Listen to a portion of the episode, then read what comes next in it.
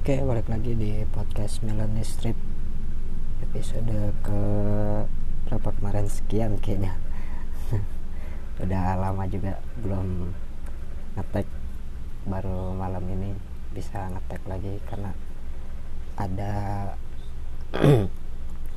beberapa hal yang emang lagi gua persiapkan. Ya gimana buat para Milan fans yang lagi pada senang. Sampai berapa? Dua hari tiga hari ke depan. Karena yang memang kita tahu kan semalam mungkin yang bisa nonton di TV mungkin yang punya TV kabel atau nonton dari HP streaming ya Milan tadi malam uh, berhasil ngamanin tiga poin ya di San Siro. Lawan Roma. Gol dicetak sama Ante Rebic. Terus disusul sama Calhanoglu lewat penalti. Ya apa ya gue sih ngelihat dua match uh, atau tiga match ditambah Copa ya semifinal Copa. Uh, mulai ada perubahan sih dari apa skuadnya Milan. Karena emang ya mungkin teman-teman juga pernah uh, merhatiin ya kalau Milan tuh beberapa tahun terakhir selalu bagus ketika mau akhir-akhir musim. Jadi uh, beberapa giornata atau beberapa pekan sebelum musim ini berakhir itu Milan selalu mainnya konsisten kalau yang gue perhatiin ya. Kayak musim berapa tuh? Yang waktu pertama kalinya Milan lolos ke Europa League. Itu kan uh, grafiknya memasuki musim apa partai-partai terakhir itu selalu bagus tuh konsisten selalu menang apa coba jaga jarak lah sama yang di atas atasnya ya mungkin terjadi juga untuk musim ini di akhir-akhir musim beberapa Giornata lagi kan udah masuk Giornata ke 27 ya kemarin. Itu selalu konsisten gue lihat.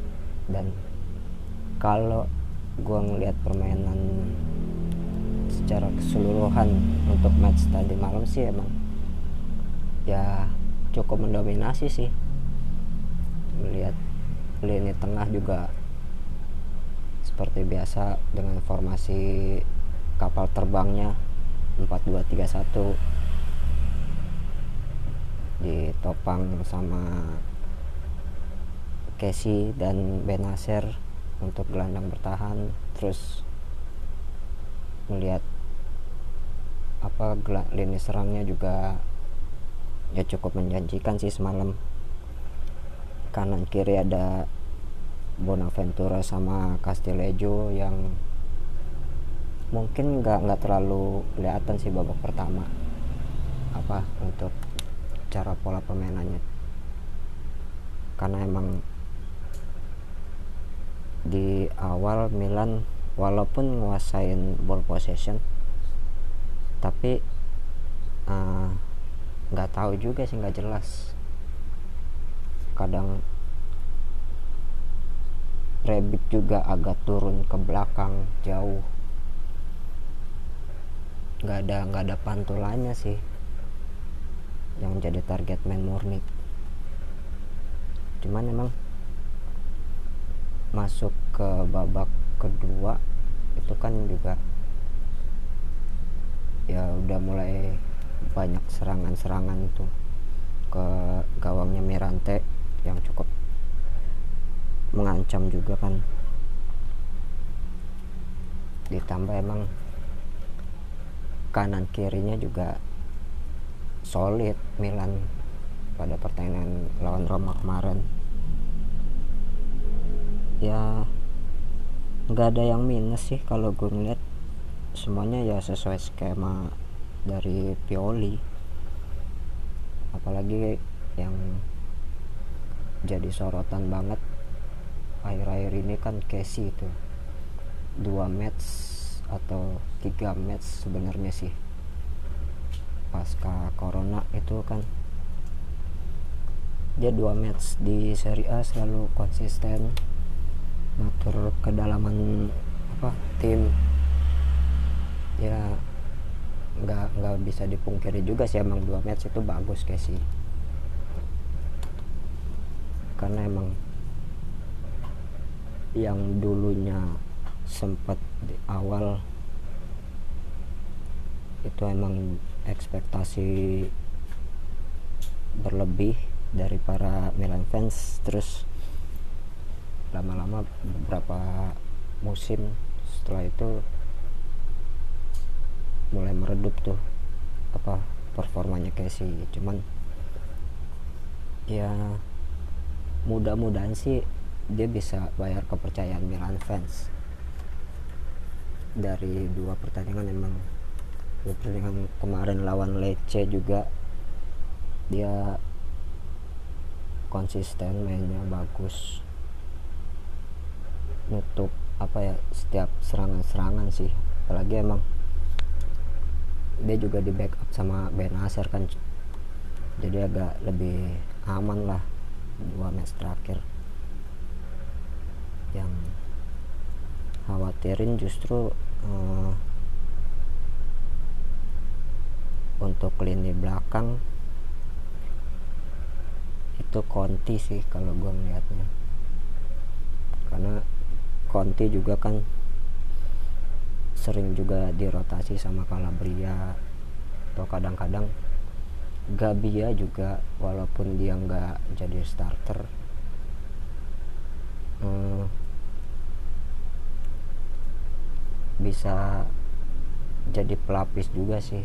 Tapi yang rawan emang dari beberapa musim selalu uh, krisis back. Apalagi uh, fullback kanan ya. Semenjak ditinggal sama siapa dulu sebelum Abate ya kalau nggak salah. Gue lupa sebelum Abate itu. Itu lumayan aman sih.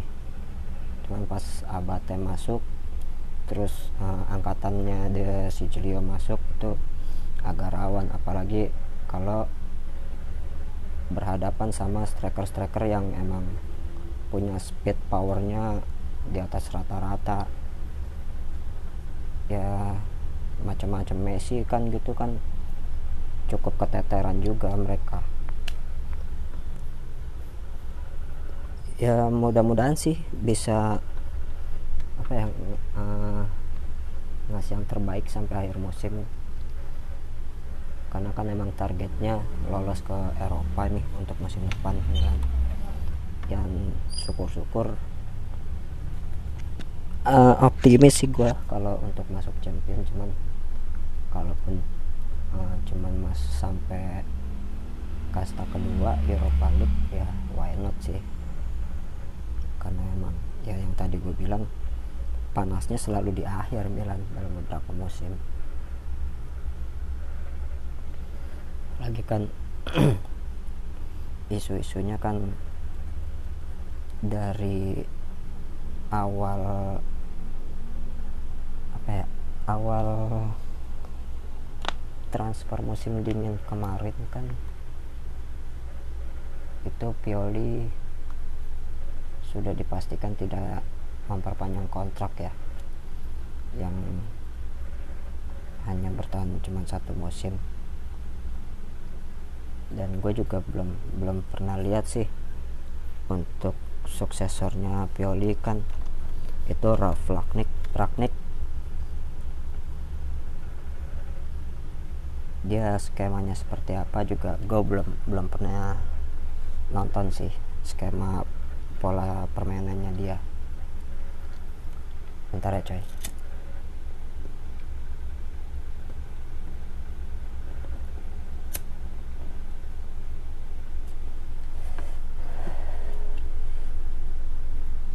Ditambahkan kemungkinan Ragnik itu bakal bawa beberapa pemain uh, yang pernah dia racik ya. Ya mudah-mudahan sih nggak uh, tahu bener apa enggak kabarnya kan. Itu kan permainan media biasa lah nyari-nyari berita yang bikin panas Milan fans biasa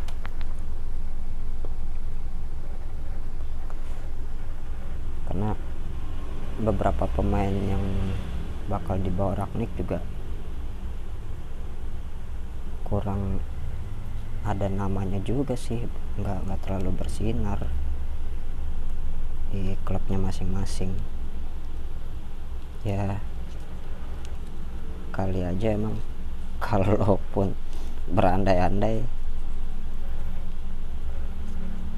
gue masih mengidolakan untuk saat ini emang. Bukan mengidolakan sih tapi masih berharap itu Ibra bisa bertahan satu musim lagi lah. Untuk uh, di Milan. Cuman kalau emang hanya Ibra doang yang diandalkan ya untuk uh, striker utama sih nggak nggak terlalu sulit sih untuk musim ini. Kayak Rafael Leao dia cukup menjanjikan. Ada ada apa ya? Hmm, ada kans dia bisa masuk tim utama atau bisa jadi starter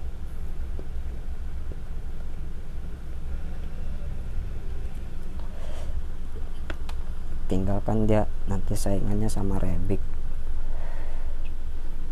kalaupun emang sebenarnya gue lebih kangen uh, Milan make dua striker sih. Cuman masalahnya di sini kan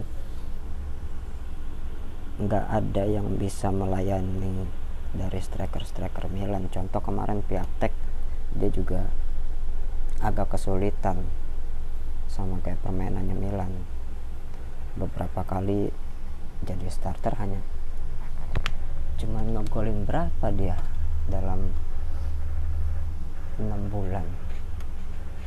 Enam bulan atau satu musim lah satu eh hitungannya sih enam bulan enam bulan ya satu musim sih.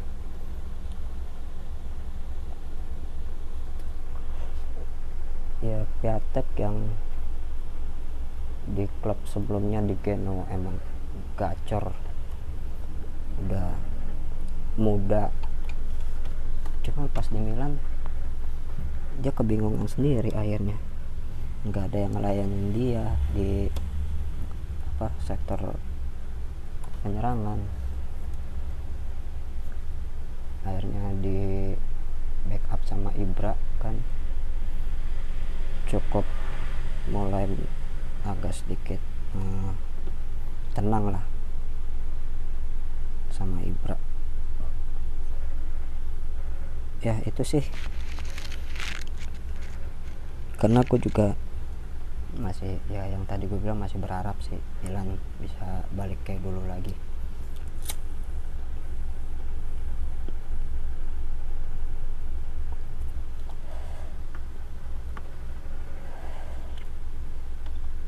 karena emang ya namanya fans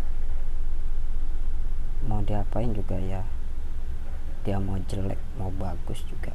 Bodoh amat sih sebenarnya udah udah nggak terlalu kalau di dibilang fanatik banget sih udah nggak terlalu banget sih gua. Karena emang ya dari dulu emang gue tuh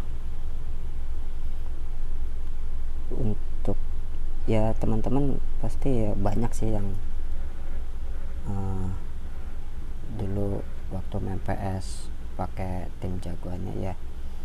Dari gue pertama kali main PS sih untuk klubnya ya emang gue pertama kali makainya Milan sih ya standar orang-orang aja yang jadi fans.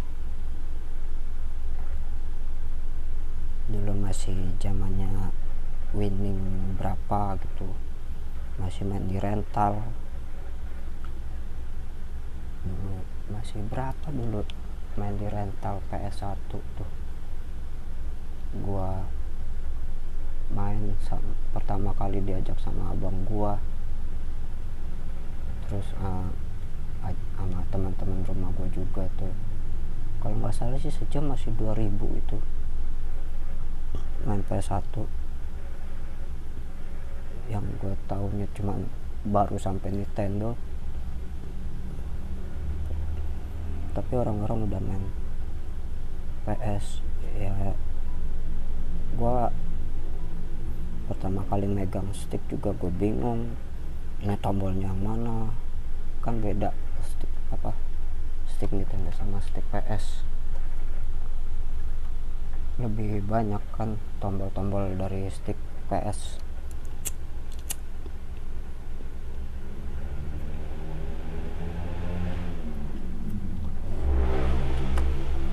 apalagi secara grafik juga bagus. Pada zaman itu emang udah paling bagus sih PS grafiknya lebih ya udah kayak beneran aja sih. Kita jadi pelatih dalam virtual.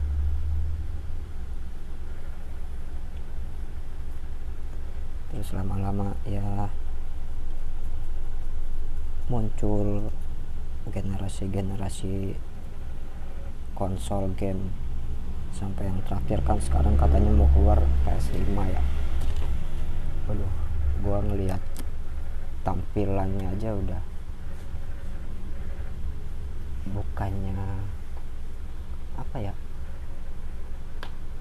Bukannya gua nggak nggak mau cuman ya gila men. 12 juta loh untuk harga satu konsol PS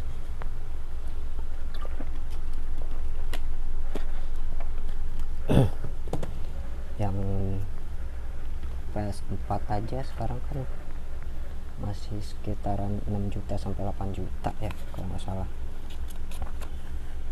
Ini PS5 yang katanya grafiknya lebih hidup lebih bagus.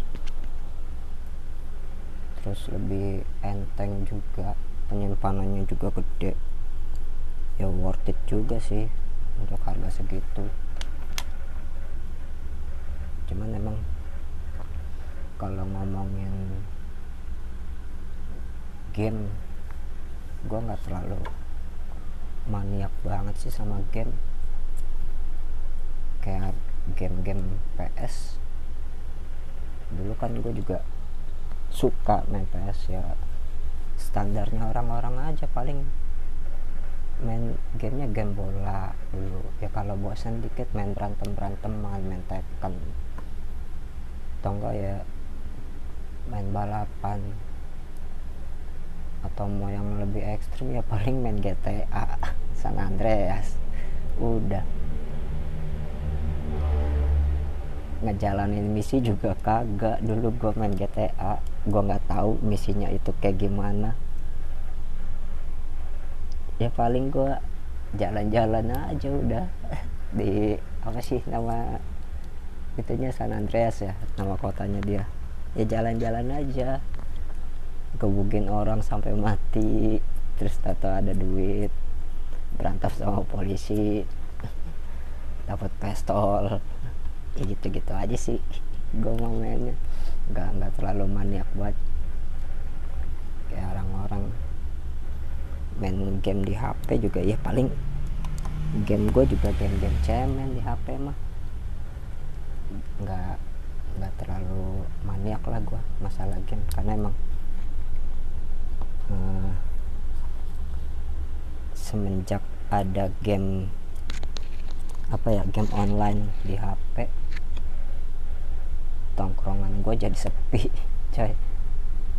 Bukan sepi nggak ada orang ya cuman apa ya gue ngerasa wah tongkrongan gue udah nggak kayak dulu sih.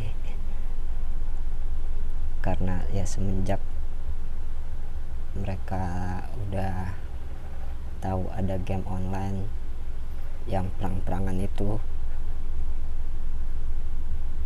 ya dulu kan gue emang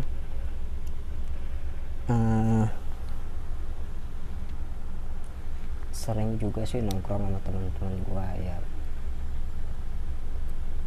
Kayak anak-anak kecil pada biasanya aja main main bola kadang-kadang ya ngadu sama anak kampungan lain. Ter kalah berantem kalau enggak bolanya nyangkut ke rumah Cina. Ya gue mungkin emang udah semakin umur bertambah. Ya udah males sih. Walaupun emang ada aja generasi-generasi yang masih main bola di lapangan dekat rumah gua. Cuman gua juga nggak terlalu akrab kan sama yang tetangga-tetangga lain.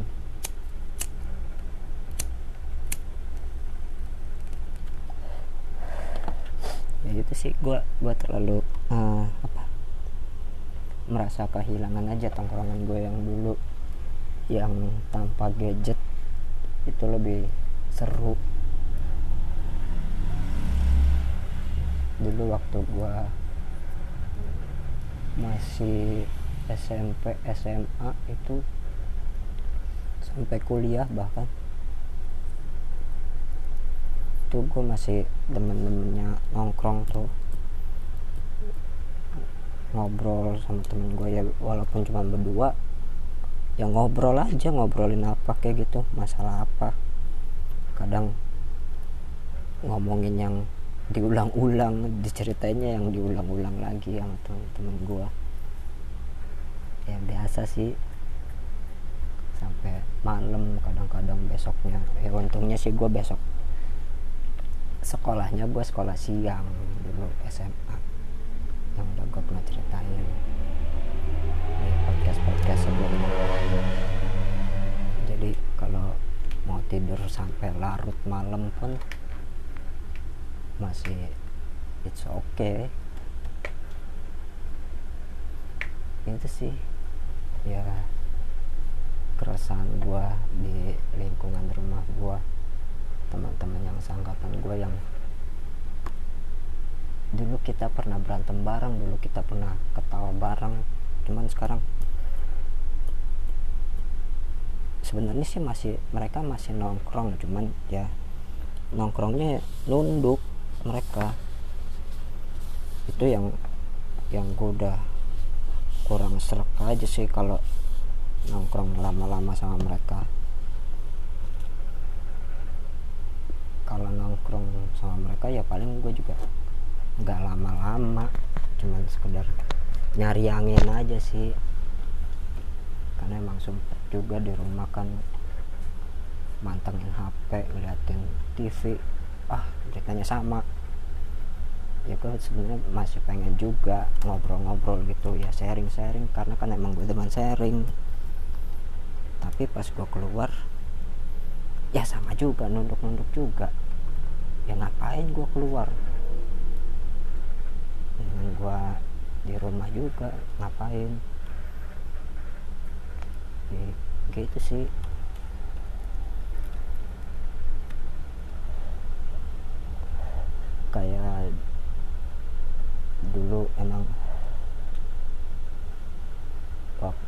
masih kecil.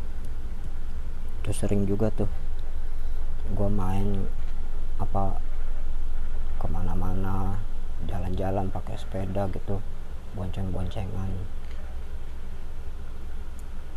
keliling sekitaran daerah-daerah rumah gue lah. Karena gue kan tinggal di Palmera ya gue paling mainnya ke Selipi terus ke Kemanggisan paling jauh dulu gue main ke Roblong dulu waktu masih kecil ke Rabel tuh. Naik sepeda bareng-bareng sama temen-temen gue sore-sore. Ya itu sih yang gue kangenin aja nggak ada. Semakin bener kata orang sih apa kata kuat-kuat di akun-akun receh. Semakin kita usia kita bertambah ya itu filter pertemanan kita ya semakin sempit. Nggak ada yang dulu oh itu teman gua itu teman gua itu teman gua. Ya sekarang lu lihat aja deh di kontak WhatsApp lu yang masih mau nyapa lu sekedar ngepek doang atau eh, anjing lu apa kabar lu goblok nggak pernah main lu itu bisa lu hitung lah walaupun kontak WhatsApp lu banyak cuman itu lo bisa filter mana yang cukup sering atau cukup uh, apa ya ya cukup sering lah cukup sering buat nanya kabar lu atau lu nanya kabarnya mereka. Itu bisa lo ke apalagi kadang-kadang kan melihat di Instagram itu kan pasti banyak tuh. Atau di Facebook lah paling paling banyak tuh biasanya. Kayak teman-teman SD lu teman-teman sekolah lu dulu teman kuliah atau teman kerja lu yang dulu pernah lu kerja bareng di situ kan pasti lu pernah tuh nge-add-addin teman-teman lu itu ya paling kalau lu bikin sesuatu apa-apa misalkan lu ngepost di Instagram atau di Facebook yang lu dapat apa paling cuma like doang dapat jempol doang dari teman-teman lu itu. Untuk nyapa ya canggung lagi pasti. Nggak ada apa ya nggak kayak dulu. Eh goblok ayo sini lu nongkrong. Lu sombong banget lu pas udah nggak ada sih ya. Kecuali kalau emang ada satu momen yang uh, memaksa lu untuk ketemu. Ya yang paling sering sih emang biasanya uh, ada nikahan temen SD lu teman sekolah lu atau teman kuliah lu. Biasanya tuh ketemunya ya paling cuma di situ doang. Habis itu ya nostalgia bareng lah. Dulu lu pernah begini dulu teman-teman lu kayak begini kelakuannya. Ya hanya sebatas itu aja. Ya mentok paling nih ya yang gue paling sering alamin mentok paling oh bikin grup dong. Itu yang paling sering gue alamin. Oke ketemu misalkan temen sekolah lu atau temen kuliah lu lagi ketemu lagi misalnya. Di satu momen udah eh kontak WhatsApp lu mana? Bikin grup dong. Oke bikin grup lama-lama.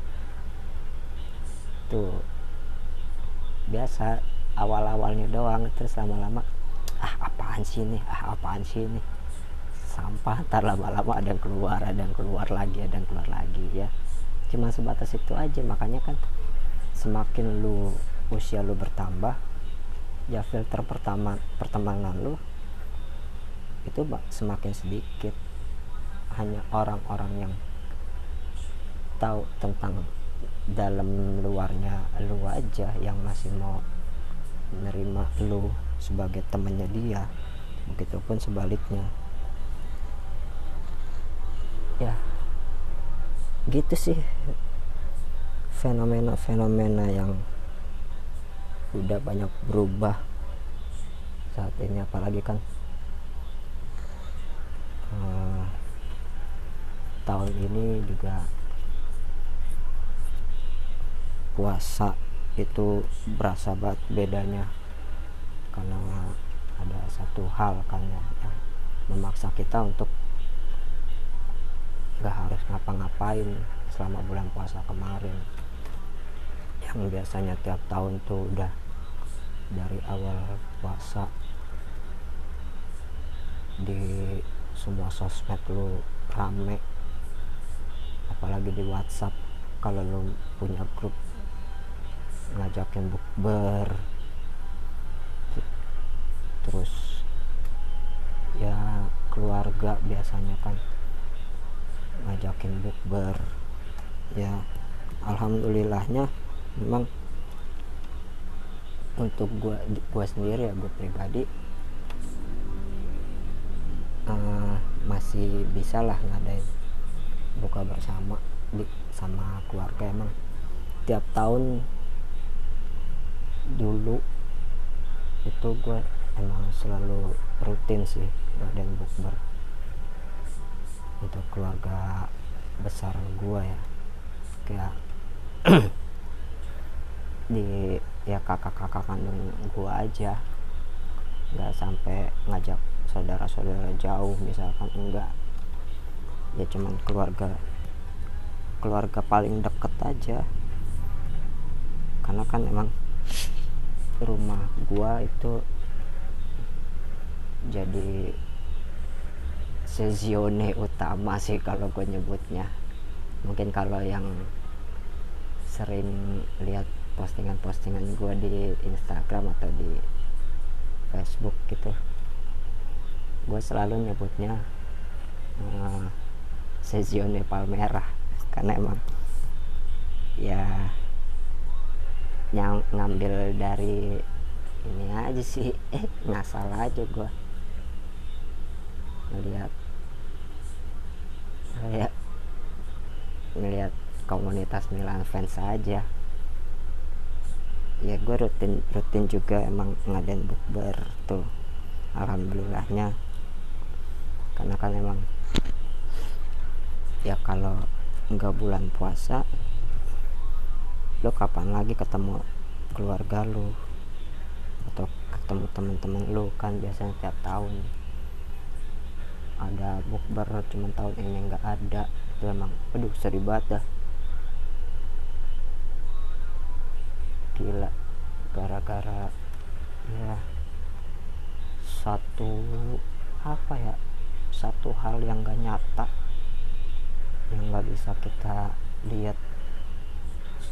langsung. Cuman memang hanya bisa dirasakan aja itu. Ih, efeknya gila loh hampir. Ibaratnya kayak apa ya? Kayak lontong deh kayak lontong nih. Nih ada nasi nih. Ada nasi itu kan pasti ada bungkusnya tuh. Bungkus apa sih? Daun pisang ya kalau lontong ya. Bungkus daun pisang. Nah dibungkus daun pisang itu kan pasti diisi nasi tuh. Nah ketika udah dikukus itu kan pasti ada berubah tuh berubah warnanya tuh nasinya tuh. Apa padatnya gitu kan. Tapi kan di luarnya kan berubah tuh apa tekstur nasinya berubah jadi hijau. Ya kondisi sekarang tuh ya kayak begitu. Kita lagi enak-enak nih biasanya apa masa bodoh sama orang lain. Kita mau ngapa-ngapain juga bebas. Cuman ketika kita dipaksa untuk uh, diem di rumah misalkan. Ya semuanya nggak jadi merasa apa ya punya hati nurani yang dulu jarang banget dia keluarin di hatinya. Ya orang-orang langsung berlomba-lomba kayak uh, nunjukin sikapnya dia ke orang lain yang butuh bantuan ya kayak begitu. Ya ibarat nasi apa dulu beras kan masih kepecah-pecah nih beras. Masih ya masih jadi butir-butiran atau beras. Terus ketika udah dikukus itu kan langsung padat itu mereka. Nggak ada lagi butiran-butirannya lagi ya. Kondisi kita kayak begitu tuh hari ini tuh. Kita lagi uh, yang tadinya masa bodoh tiba-tiba datang uh, satu kondisi ini dengan penyakit yang nggak tahu dari mana asalnya. Ya itu yang tadi gue bilang. Tiba-tiba kita langsung jadi oke okay, kita bareng-bareng nih kita harus uh, buka nih bungkusnya lagi nih bungkus lontongnya lagi. Gitu maksud gua. Ya gue sih berharap emang selalu selalu gue berharap apa? Uh, cepat berakhir lah untuk musibah ini. Karena emang mungkin sebagian besar sudah mulai uh, ada yang bisa beraktivitas kayak biasa. Cuman tetap ada perbedaannya. Gitu. Kayak sekarang kan kita harus keluar rumah pakai masker. Apalagi pas masih awal-awal dulu kita pakai masker terus nggak boleh nyentuh ini nggak boleh nyentuh itu harus sedia hand sanitizer bahkan masker pun waktu pertama kali ada kondisi ini masuk ke Indonesia lah ya. Itu tiba-tiba harga masker ada yang sampai 2 juta 3 juta sekotak. Aduh gila. Itu kacau banget sih. Orang manfaatin keadaan buat apa ya nyari keuntungan. Ya kita tahu nih kita lagi sama-sama susah cuman lu malah nambah batu itu di atas kepalanya dia. Ya gimana orang? Lagi berusaha nih biar dia lagi megang uh, lagi ngangkat beban nih ngangkat batu di atas palanya. Dia pengen buang cuman emang agak sulit. Tapi ketika dia butuh bantuan lu lu malah nambahin bebannya dia lagi. Lu malah ngasih batu baru lagi buat dia. Ya gimana? Apalagi kan itu selama 10 hari pertama pas musibah itu datang itu langsung wah gila panik seluruh Indonesia lah seluruh dunia bahkan itu panik semuanya ya. Untuk saat ini gue nggak bisa nyalain siapa-siapa juga. Karena emang ya kita gue antara percaya nggak percaya ya adanya uh, wabah ini. Cuman yang gue masih jadi pertanyaan ini emang benar-benar ada atau enggak sih? Itu yang masih jadi pertanyaan karena emang belum tentu. Kayak ya contoh kasus ada ya beberapa banyak lah berita di portal-portal media. Orang yang gak kena virus itu aja itu bisa di vonis dia kena virus. Padahal ya cuman sakit biasa aja. Kayak kemarin kan uh, dua bulan lalu itu kan tante gue meninggal. Hmm, jadi untuk proses pemakamannya itu dia harus ngikutin protokol. Dan untungnya nggak nggak terlalu ribet dan emang nggak nggak terinfeksi virus itu. Itu emang sampai petugas medisnya itu datang ke rumah gua.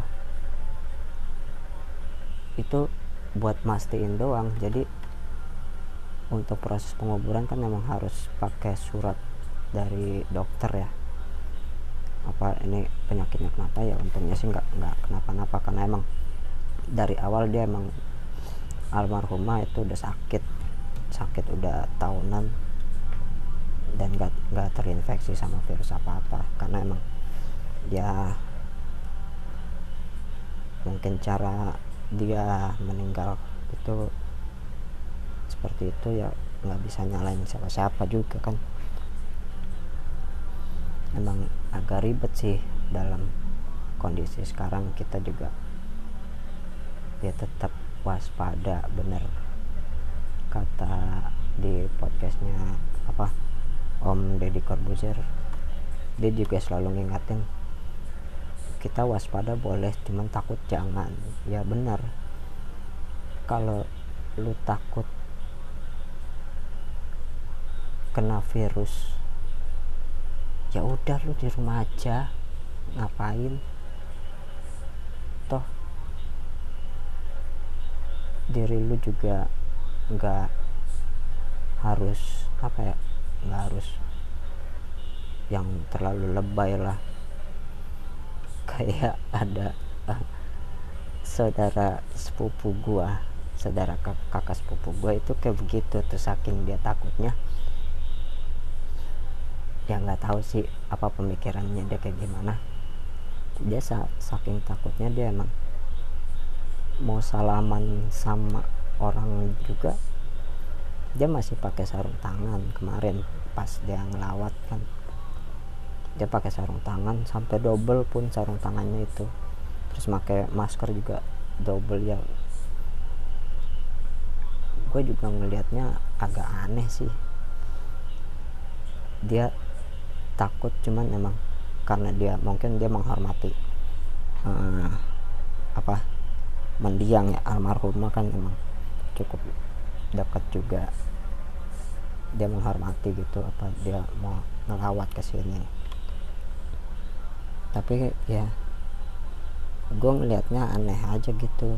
Apalagi dia juga sering nge-share gitu foto-fotonya dia waktu di sosmed itu dia kayak pakai face shield dulu kan. Terus pakai APD jalan-jalan ke pasar itu. Nggak tahu sih pemikiran dia itu terserah dia juga sih. Wah udah lumayan lama juga nih. Ya itulah untuk episode kali ini. Masih banyak sebenarnya ya gue juga uh, masih nyari-nyari temen nih buat yang bisa gue ajak ngobrol. Entah itu ya siapa aja sih sebenarnya ya. Kalau gue ngomong sendirian nggak enak juga sih gue capek. Cuman nggak tahu nggak tahu sih mereka emang. Mungkin sibuk atau ada yang beberapa kali gua ajak. Juga ayolah ngisi podcast gua. Dia alasannya malu atau nggak bisa ngomong lah. Sekarang pertanyaan gua. Gua gua nggak nggak minta apa ya nggak minta lu harus ngejelasin dari A sampai Z. Karena kan kalau lo nggak bisa ngomong lo tiap hari juga bisa ngobrol sama yang lain. Walaupun ya bedanya cuman gua rekam aja terus gua share di apa podcast gua. Itu aja sih. Karena gue juga nggak minta ngebahas yang berat-berat. Gue juga apa uh, ngukur diri gue juga ya mudah-mudahan sih ada satu atau dua orang yang bisa ngisi podcast gue ini. Karena emang biar nggak sepi aja biar ada warnanya aja sih podcast gue walaupun emang nggak ada yang mau dengerin juga bodoh amat. Karena gue juga nggak ngajar adsense. Gue pengen cerita aja sih ya sesuai platformnya aja apa sesuai tagline-nya dia aja. Apa sih uh, ceritakan diri lu kalau kata anchor kan gitu. Ya udahlah cukup. Uh, sekian podcast gua kali ini. Uh, tetap jaga kesehatan tetap semangat dan terus berkarya